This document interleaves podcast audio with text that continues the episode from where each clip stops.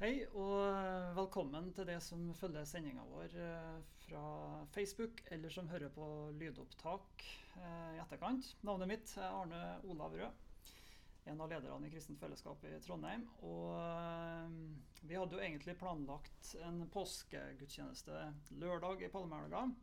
Den måtte vi dessverre avlyse pga. Av koronainnstrammingene, og derfor så har vi bestemt oss for å lage tre digitale sendinger som vi nå sender i påska.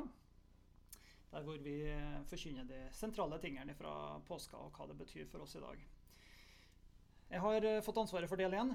Den eh, tar for seg palmesøndagen. Eh, så kommer det en ny sending på skjærtorsdag og på første påskedag. Hvor Terje Dale og Håvard Kjølesdal skal snakke. Så jeg håper at du syns det vil være interessant å høre sendinga vår. Ehm, jeg har fått eh, første del, det er fordi at jeg har bedt om den sjøl. Og det som jeg skal bruke noen minutter på nå, det er for det første å lese teksten om palmesøndagen. Og gå litt inn i bibelteksten og, og få litt rede på hva slags uh, symbolikk, hva slags mening ligger i teksten som vi kan hente ut av uh, bl.a. referanser til Det gamle testamentet. Det skal bli ganske interessant. Og til slutt så vil jeg prøve å, å, bruke noen minutter på å kommentere hva spesielt det med palmesøndagen betyr for oss nå i eh, koronatida. For akkurat der opplever jeg at eh, spesielt det med palmesøndagen har en eh, spesiell, viktig eh, beskjed for oss. da. Så jeg håper du vil følge med, eh, enten sendinga eller lydopptaket. Ja, vi får prøve å gå i gang her, da, kanskje. Dagens tekst da, det er altså da fra eh, Markusevangeliet, kapittel 11. Så jeg skal starte med å lese eh, teksten derifra. Du kan se den på skjermen eh, samtidig. Og da står det følgende Da nærmet de seg Jerusalem og kom til Betfaget og Betania ved Oljeberget, sendte Jesus to av disiplene av sted og sa til dem Gå inn i landsbyen som ligger foran dere. Straks dere kommer inn i den, skal dere finne et eselfole som står bundet, og som det ennå ikke har sittet noe menneske på. Løs den, og før den hit. Og om noen spør hvorfor gjør dere dette, skal dere svare Herren har bruk for den, og han sender den straks tilbake igjen. De gikk av sted og fant folen bundet ved en dør mot gaten, og de løste den. Noen av dem som sto der, sa da til dem, hva er det dere gjør? Løser dere folen? De svarte som Jesus hadde sagt, og da fikk de gå. Så førte de folen til Jesus og la kappene sine på den, og han satte seg opp. Mange bredte ut kappene sine på veien. Andre dekket den med grønne kvister som de hadde skåret på markene omkring. Både de som gikk foran og de som fulgte etter, ropte Hosianna. Velsignet er Han som kommer i Herrens navn. Velsignet er vår far Davids rike som kommer. Hosianna i det høyeste. Det var den teksten som eh, står i Markusevangeliet. De andre evangeliene skisserer jo den samme eh, hendelsen med litt forskjellige nyanser. Men det er noe av det fine med å lese evangeliene, at du får fire versjoner av noen ting som eh, skjedde. Palmesøndagen og påskeuka generelt er jo spekk pakka med mening, med symbolikk, med referanser til profettekstene i Det gamle testamentet. Og det er nettopp det som gjør dem så utrolig spennende å utforske. Sjøl etter mange år med personlig bibellesing, så oppdager en nye ting. Og når jeg forberedte meg til denne uh, forkynnelsen, så oppdaga jeg litt nye ting òg. Skal dele det litt med dere etter hvert her.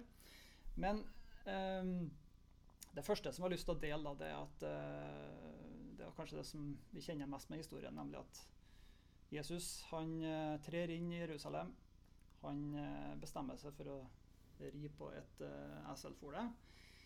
Og det her er jo noe som Jesus planlegger. Det er noe som han iscenesetter. Det er noe som han bestemmer seg for å gjøre. Rett og slett for å oppfylle et, spesielt et profetisk ord som vi finner i Gamle testamentet. Så og det profetiske ordet det, det, henter vi jo fra profeten Zakaria. Eh, vi kan ta med oss det, vers, eh, kapittel 9 og vers 9. Skal vi se om vi treffer rett her, da. Der står det, vet du.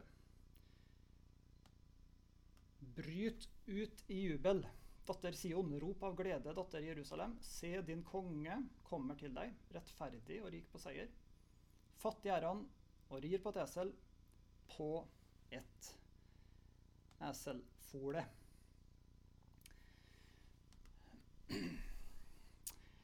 Kanskje har du lest denne teksten så mange ganger at du har uh, slutta å dvele ved akkurat dette. her. Uh, jeg har i hvert fall vært litt sånn at jeg har vokst opp med den fortellinga helt siden jeg var liten gutt. og hører om at Jesus rei på et esel, Så jeg har på en måte ikke reflektert så mye mer over det. Men når jeg forberedte denne undervisninga, så slo det meg plutselig at uh, det at Jesus annonserer seg sjøl som Messias, som den kongen som israelsfolket skulle vente på.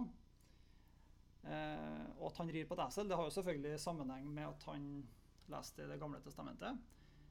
Men i den eh, omliggende kulturen så er det jo ikke vanlig at en konge kommer ridende på et lite esel. Det vanlige er jo at en konge kommer ridende på en hest. Og her er det jo en symbolikk som, eh, som skal fortelle oss noe viktig om hvem Jesus er. For Jesus er ikke en konge som kommer ridende på en hest, slik andre konger som vil markere sin egen styrke, som vil markere sin politiske og militære makt, vil gjøre. Jesus han eh, står i sterk kontrast til det. Han kommer på et lite esel. Og det betyr jo rett og slett at Jesus bringer noe som er helt annerledes. Jesus bringer fred. Han kommer med ikke-vold. Han kommer med eh, et helt annet budskap. En helt annen kongsmakt. Han kommer med gjenopprettelse. Han kommer med et helt annet innhold i, sin, i sitt styre enn det alle andre herskere gjør. Og det er klart at uh, Den symbolikken der den uh, står like sterkt for oss i dag. Videre da, så ligger det flere ting i det med at Jesus kommer ridende på et esel. Um, det fins flere referanser til, til, esel i Det gamle testamentet. Eh, første gang et esel nevnes, da, det er jo i, i første Mosebok, kapittel 22. Eh, hvor eh, Abraham skal dra og ofre på det fjellet som Gud har bedt ham om å ofre, og der hvor han skal ofre Isak. I forbindelse med den hendelsen så nevnes jo det esel da for første gang. og Der òg ser vi på en måte en, en, et frampek mot hvem Jesus er. Fordi at Jesus han er jo da den den som uh, av sin egen frie vilje velger å ofre livet sitt. Og han gjør det jo ut fra at Gud som far har bedt ham om å gjøre det. Og det er en helt klar analogi da, til, til, Abraham og Isak. Isak som går med på å, å la seg ofre som sønn. Nå ender jo historien med at Abraham ikke ofrer Isak, men allikevel så er det en klar parallell mellom de to historiene, hvor eselet er med å frakte og bringe da det offeret som Gud vil ha, akkurat som på palmesøndag. Så det er ganske interessant. Det er, og det er en sånn type eh, parallell som, eh, som, er med å utvide symbolikken i, i palmesøndagsfortellinga. Andre ting da, som er verdt å nevne i samme slengen, er hvis vi blar litt lenger ut i første Mosebok. Vi kommer til slutten, i kapittel 49. Der eh, vil jo det kapitlet være Eh, når Jakob profeterer over eh, sine tolv sønner. Velkjent kapittel hvor han går gjennom sønn for sønn. Og Når han kommer til Juda, som jo er opphavet til Jesus, og Jesus kommer fra Judas stamme, så leser vi noen interessante opplysninger der òg. Vi skal se det på skjermen her nå. Skal vi se om vi får det opp. Der leser vi da i første Mosebok kapittel 49 og vers 10-11. Nå står det Septer skal ikke vike fra Juda, eller herskestav fra hans føtter, til han som eier den, kommer. Det er jo da Jesus, da. Han som folkene skal lyde. Og så står det noe interessant her. Han binder eselet i vinstokken, eselfolen, ved den edle ranken. Han vasker klærne sine i vin, skjortelen i drueblod, står det.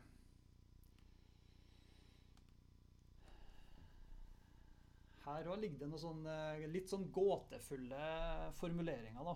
Som eh, antageligvis eh, Jeg vet ikke hvordan de andre personene i Det gamle testamentet som hadde teksten foran seg, hvordan de tenkte rundt det. Men i alle fall så utfolder de her ordene seg helt tydelig i evangeliet, i påskefortellinga og i det som skjer på palmesøndag.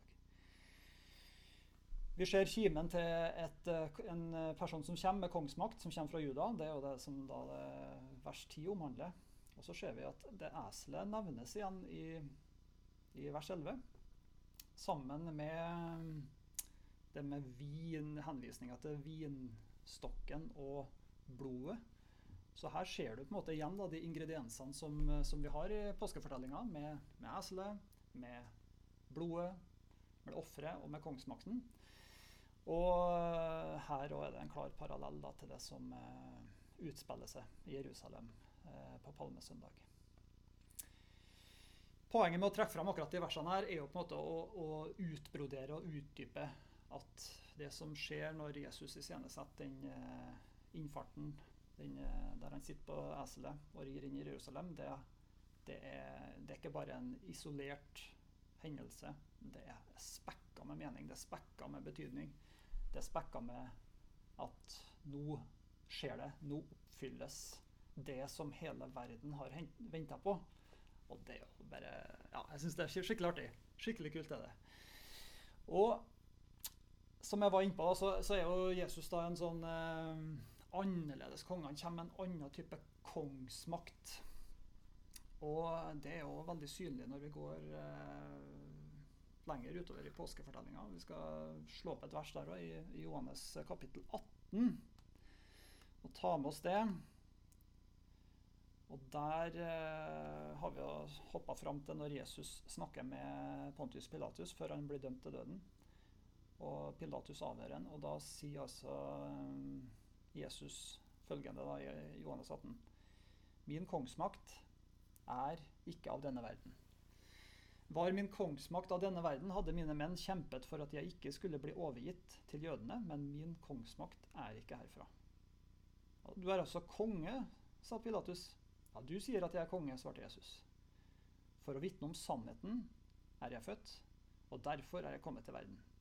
Vær den som er av sannheten, hører min røst, sier Jesus.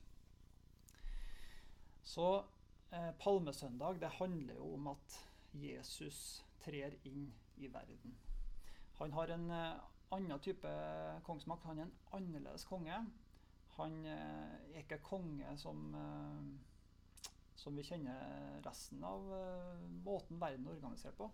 Men han er en konge over noe andre eh. Han er konge over sannheten, kongen over freden, over forsoning, over rettferdighet. Og det han bringer med seg, det tilfører noe ekstraordinært til verden. Og det er på en måte Palmesøndagen er den første dagen da, i, i, påska hvor det her er eh, eh, dramatiseres, kan vi vel si. da. Nå har jeg lyst til å bare hoppe litt og, til 2021 og, og, det som vi eh, står overfor i dag. Fordi at, eh, som jeg sa innledningsvis, eh, så er det sånn at eh, jeg opplever at det, budskapet i palmesøndagen med at Jesus kommer inn i verden, han annonserer seg sjøl som konge på en annen måte, det har en spesiell resonans eh, midt oppi denne koronatida som vi eh, står overfor. Jeg har lyst til å prøve å si litt om det avslutningsvis her, da. Vi kjenner jo alle hvordan korona har utarta seg. Nå har vi holdt på et år med dette her. Eh, det har vært eh, tøft. Vi er lei alle sammen. Alle er sliten. Eh, vi hører om folk og kjenner folk sjøl som, som, strever ekstra med det. Det kan dreie seg om ensomhet eller psykiske problemer. Permittering, arbeidsledighet, økonomiske utfordringer. Og det er på en måte veldig krevende både for oss enkeltvis og som familie og som samfunn å håndtere denne koronapandemien. Og Samtidig så har vi jo vent oss til at uh, myndighetene har en, har en, litt sånn spesiell rolle i, i denne koronaen. Eh, vi lever litt fra pressekonferanse til pressekonferanse. Retningslinjene som myndighetene gir, de, de, har veldig stor betydning for hvordan livet vårt blir organisert. Hva vi får lov til, hva vi ikke får lov til, hva slags anbefalinger vi får. Og, og i det hele tatt så, så, får det en utrolig stor oppmerksomhet, fordi at det, det legger føringer for hvordan vi kan leve nå i denne unntakstilstanden. Og tidligere i uka her nå før påske så, så fikk vi jo nasjonale innstramminger. Trondheim hadde en uh, lengre periode med lav smitte, og likevel så fikk vi nasjonale innstramminger som uh, og gjorde at Trondheim ble mer uh, innstramma. Og jeg må jo ærlig innrømme at når jeg fikk høre om det den dagen, så ble jeg, jeg ble altså skikkelig sur. Jeg ble irritert. Jeg syns det var fryktelig, fryktelig unødvendig. Urettferdig. Én ting er nå våre egne planer, men så ikke minst dem som visst kom til å bli ramma ganske hardt av de som jobber i restaurantbransjen eller andre utsatte bransjer, som ville risikere permittering og arbeidsledighet pga. det som er da opplevd som en litt sånn unødvendig innstramming der og da. Så fikk jeg meg god natts søvn. Morgenen etter så var det en ny dag. og Eh, noe av det første som skjer med meg den morgenen der, er at jeg, at jeg legger merke til været rundt meg. Eh, jeg er en sånn type som ikke legger så godt merke til været, men akkurat den morgenen så, så la jeg merke til at det var sol. Det var varmt. Jeg eh, begynte å tenke på at nå, nå er det sånn at våren nærmer seg. Og det var, det var akkurat sånn som Gud lurte på om jeg la merke til hvordan han er til stede i, i hverdagen min. Og det fikk tankene mine videre på liksom hvordan, hvordan legger vi merke til at Gud er nær. Hvordan legger vi merke til at Gud er en sentral del av vår hverdag, og, og at uh, hans velsignelse er med oss uh, hver dag. Så jeg, jeg møtte meg egentlig litt sjøl i den uh, skuffelsen og frustrasjonen over at jeg hadde jeg hadde latt det som myndighetene er nødt til å gjøre, å ta, å ta av upopulære avgjørelser, det hadde blitt litt altoverskyggende for min egen del. Eh, mens livet, livet, er så mye større enn det som eh, skjer i myndighetene sin regi. For vi lever jo i en større verden. Vi lever i den verden som Gud har skapt, og som han har gitt oss. Og at de løftene og det håpet han gir oss, og det ordet han gir oss, det gjør at jeg kan ha et litt annerledes forhold til eh, alt det som kommer fra myndighetene. Det er ikke det eneste som informerer meg, og som betyr noe for meg, men livet er større. Og jeg, ja, jeg ble på en måte litt sånn gjort oppmerksom på at hvis eh, staten da blir det eneste jeg har å lene meg på, så, så, så risikerer jeg egentlig at det går utover meg sjøl. At jeg kan bli passiv. At jeg kan bli sånn som blir misfornøyd og, og, og, går rundt med en forventning om at staten skal gi meg noe den egentlig aldri verken har lovt eller kan innfri. Da. Poenget vi fram til da, det er at palmesøndagen, hvor Jesus kommer, hvor Guds rike kommer, det handler om noe viktig. Det handler om at Gud kommer på banen. Det handler om at Guds rike trer inn i verden, og at det, det, eh, det er ikke det som eh, myndighetene ser seg nødt til å gjøre, som er det eneste som, som gjør noe. Og Jesus han bringer et rike. Han bringer et rike med nåde, med forsoning, med tilgivelse, med rettferdighet. Og han møter oss med et rike som gjør at vi som enkeltpersoner får et annerledes liv, og at vi blir satt i stand til å leve etter mesterens eksempel og etterfølgelse. Da. Så helt siden palmesøndagen så har vi Eh, en stående invitasjon til å følge med på det Jesus gjør. Og da tar jeg imot en konge, en konge som tar imot meg sånn som jeg er. En konge som ofrer seg sjøl for meg. En konge som vil berge meg fra det som egentlig ødelegger meg, det som vi kan kalle synd. En konge som kommer med en ny drivkraft og ny motivasjon i livet en konge som gir meg sin nåde og sin fred. Og som, eh, sjøl om han egentlig har avslørt meg og, og gjennomskua både mine sterke og mine svake sider, mine utfordringer. Så likevel så kommer en og møter meg med nåde, med fred, med tilgivelse og med et nytt liv. Jeg blir møtt av en konge som uh, gjør at jeg kan uh, se meg sjøl i speilet, eller som gjør at jeg kan møte andres blikk uten å verken bli engstelig eller skamme meg, fordi at min identitet den har jeg først og fremst i Jesus og det han har gjort for meg. Og det gjør at uh, livet mitt endrer seg. Så jeg møter altså en konge som motiverer meg, sjøl under korona, til å stå opp om morgenen. Til å eh, se hva kan jeg gjøre i den dagen her som er med på å eh, videreføre det som Jesus starta på palmesøndag, med å bringe et nytt rike inn i verden. Og samtidig være klar over at akkurat den dagen jeg har i dag, den eh, gir Gud meg nåde for. Og at jeg lever ikke eh, bare ut fra det jeg sjøl makter og, og, får til, men Hans nåde er en ny hver dag. Og han gir nåde som gir hjelp i rette tid. Og det gir en ekstra dimensjon ved livet. I tillegg så møter jeg en konge som i stedet for at jeg går rundt og blir sur på at myndighetene er nødt til å ta upopulære avgjørelser, så um, møter jeg en konge som oppfordrer meg til å be for dem. Til å be om at uh, alle våre politikere og myndighetspersoner skal få visdom fra Gud til å ta gode avgjørelser. Og navigere i vanskelige avveininger eh, som uh, de er nødt til å ta. Og at Fordi den nasjonen her, den trenger politikere som er fulle av visdom. Er en krevende tid. Og de trenger vår eh, forbønn, spesielt i denne tida. Det var den påskehilsen som jeg hadde planlagt å ha dele med dere her nå på Palmesøndag. Jeg har lyst til å avslutte da, med å lyse velsignelsen uh, over dere. Uh, litt uvant i vår setting å gjøre det, men jeg har lyst til å gjøre det likevel. For at den inneholder så mye som vi trenger å høre. Så da har jeg lyst til å bare avslutte med den. Herren velsigne deg og bevare deg. Herren da sitt ansikt lyse over deg og være deg nådig. Herren løfte sitt åsyn på deg og gi deg fred. Amen.